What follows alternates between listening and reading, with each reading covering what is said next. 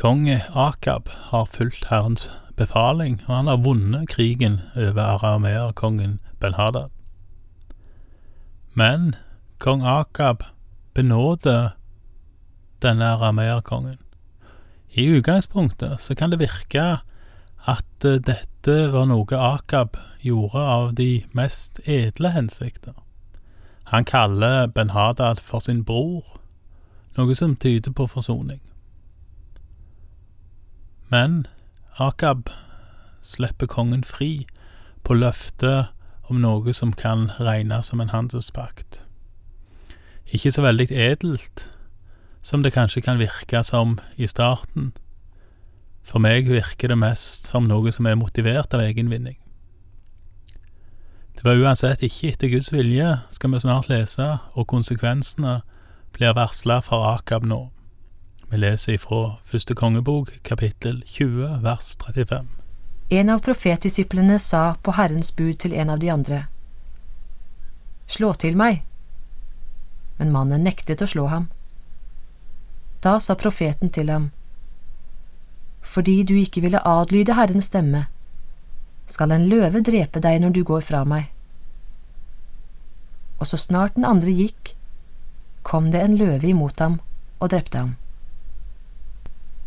Så møtte profeten en annen mann og sa, Slå til meg.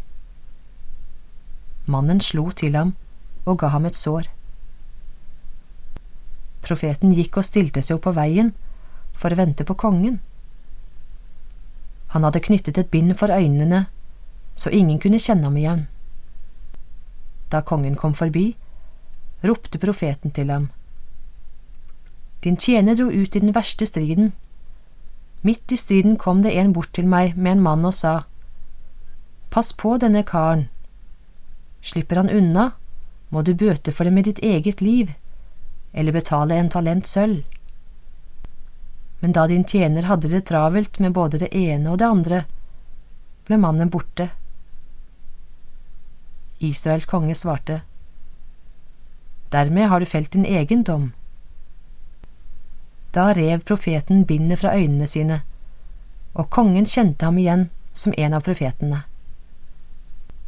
Profeten sa til ham, Så sier Herren, fordi du lot den mannen som jeg hadde bannlyst, slippe unna, skal du bøte med livet i stedet for ham, og ditt folk i stedet for hans folk.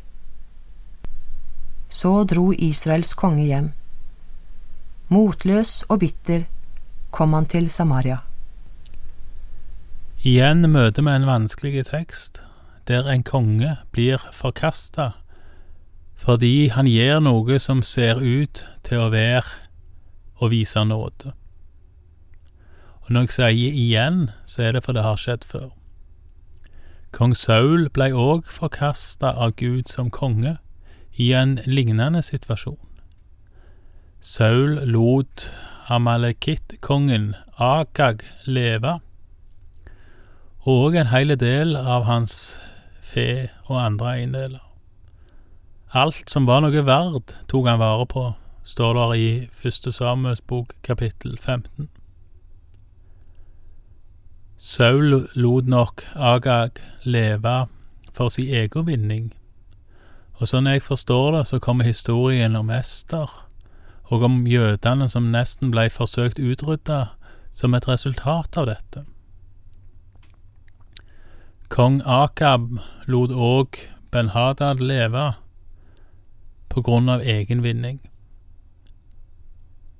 Kong Akab burde vel kommet tilbake igjen til Samaria som seierherre, men istedenfor kom han hjem motløs og bitter, står det.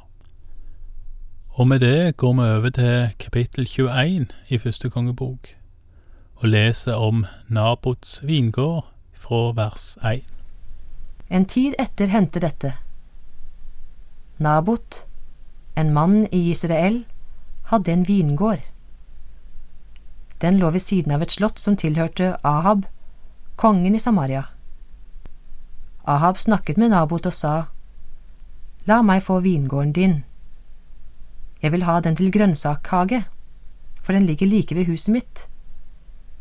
Jeg skal gi deg en bedre vingård i stedet, eller om du så vil, skal jeg gi deg det den er verdt i penger. Men Nabot svarte Ahab, Herren fri meg fra å gi deg fedrearven min. Så gikk Ahab hjem, motløs og bitter, fordi Nabot fra Israel hadde svart ham slik og sagt, Jeg gir deg ikke fedrearven min. Han kastet seg på sengen, vendte ansiktet bort og ville ikke spise. Om eh, kongen var bitter og motløs når han dro hjem ifra krigen etter å ha benåda Ben-Hadad, så beskrives han her nesten som en trassig unge. En unge som har alle leker i hele verden, men som har sett seg ut ei leke som nabogutten har, og nettopp derfor er det den han må ha. Det kan tenkes at jeg gir Akab urett her med denne tolkningen, og i så fall så beklager jeg det. Men det virker ikke for meg som en konge verdig å kaste seg på senga snu hodet mot veggen og nekte å spise når han ikke får det nøyaktig som han vil. Det er rett og slett noe barnslikt og primitivt over det vi ser i kongens reaksjon. Og om det er barnslikt og primitivt, så oppveies det når hans utspekulerte og tidvis direkte onde kone Jesabel kommer inn til han. Vi leser videre fra vers fem. Da kom hans kone Jesabel inn og spurte, Hvorfor er du så motløs og smaker ikke mat? Han svarte henne, Jeg snakket med Nabot fra Israel og sa til ham, Selg meg vingården din for penger, eller om du vil, bytt med meg i en annen vingård. Men han svarte, Jeg vil ikke gi deg vingården min. Da sa hans kone Jesabel til ham, nå får du vise at det er du som er konge i Israel. Stå opp, få deg mat og vær ved godt mot. Jeg skal sørge for at du får vingården til Nabot fra Israel. Så skrev Jesabel brev i Ahabs navn, satte han seil på og sendte dem til de eldste og stormennene som bodde i samme by som Nabot. I brevet skrev hun, Rop ut en faste og la Nabot sitte øverst blant folket. Sett to ondsinnede menn midt imot ham, så de kan vitne mot ham og si, Du har forbannet Gud og kongen. Før ham så ut, og stein ham til døde. Hans bysbarn, de eldste og stormennene i Israel, gjorde det Jesabel hadde sendt bud til dem om, slik som det sto i brevet hun hadde sendt dem. De ropte ut en faste og lot Nabot sitte øverst blant folket. Da kom de to ondsinnede mennene inn og satte seg midt imot ham. De vitnet mot ham så folket hørte det og sa, Nabot har forbannet Gud og kongen. Og de førte ham ut av byen og steinet ham til døde. Så sendte de bud til Jesabel og sa, Nabot er blitt steinet, han er død.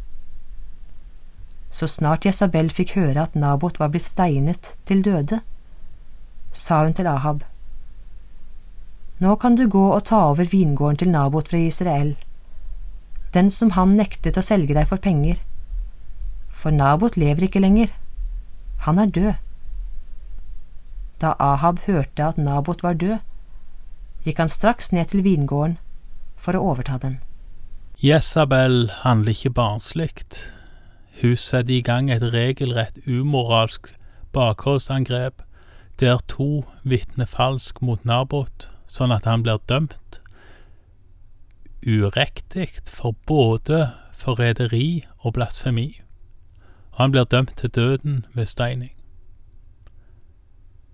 Bare fordi Nabot nekta å selge en vingård ekstremt smålig, spør du meg. Elia blir igjen sendt for å tale Guds beskjed til Ahab, vi leser om den tunge beskjeden ifra vers 17. Da kom Herrens ord til Elia fra Tispe, og det lød så. Gå ned med det samme og møt Ahab, Israels konge som bor i Samaria. Nå er han i Nabots vingård. Han er nettopp gått dit ned for å overta den. Tal til ham og si, Så sier Herren, har du ikke myrdet, og nå har du allerede overtatt eiendommen?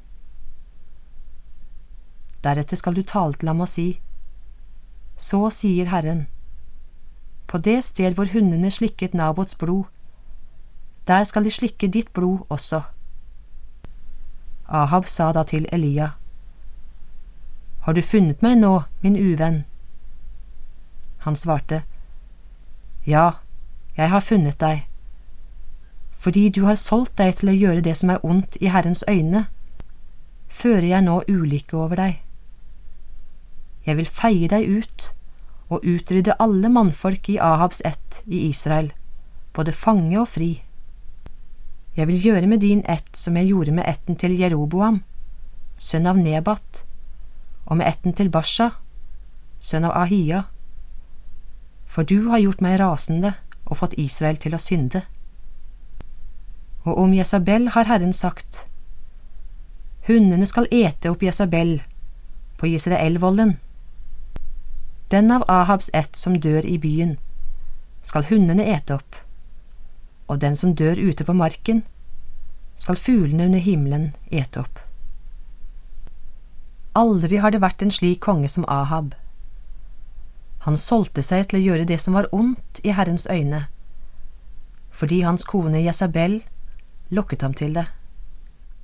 Men det mest avskyelige var at han fulgte avgudene akkurat som amorittene hadde gjort, de som Herren hadde drevet bort for israelittene. Da Ahab hørte hva Elias sa, flerret han klærne sine, bandt sekkestrie om kroppen og fastet. Han sov i sekkestrien og gikk stille omkring. Da kom Herrens ord til Elia fra Tisbe, og det lød så. Har du sett at Ahab har ydmyket seg for meg? Fordi han har ydmyket seg, vil jeg ikke la ulykken komme i hans tid. Men i hans sønns tid vil jeg la ulykken komme over hans hus. Igjen hører vi en profet forkynne et voldsomt domsord over en av kongene i Israel. Som nevnt tidligere, ingen av kongene i Nordriket, i Israel, ble regna for å være gode konger siden ingen av de gjorde det som var rett i Herrens øyne.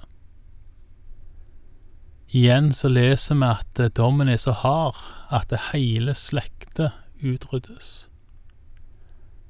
Det skjer aldri i Sørriket. Der kan en finne ei linge som går ubrutt, ikke alltid beint fram, men ubrutt, heilt fram til Jesus. Men i Nordriket, som vi nå leser om, så rykkes den ene linja, eller arverekka, etter den annen, opp og vekk.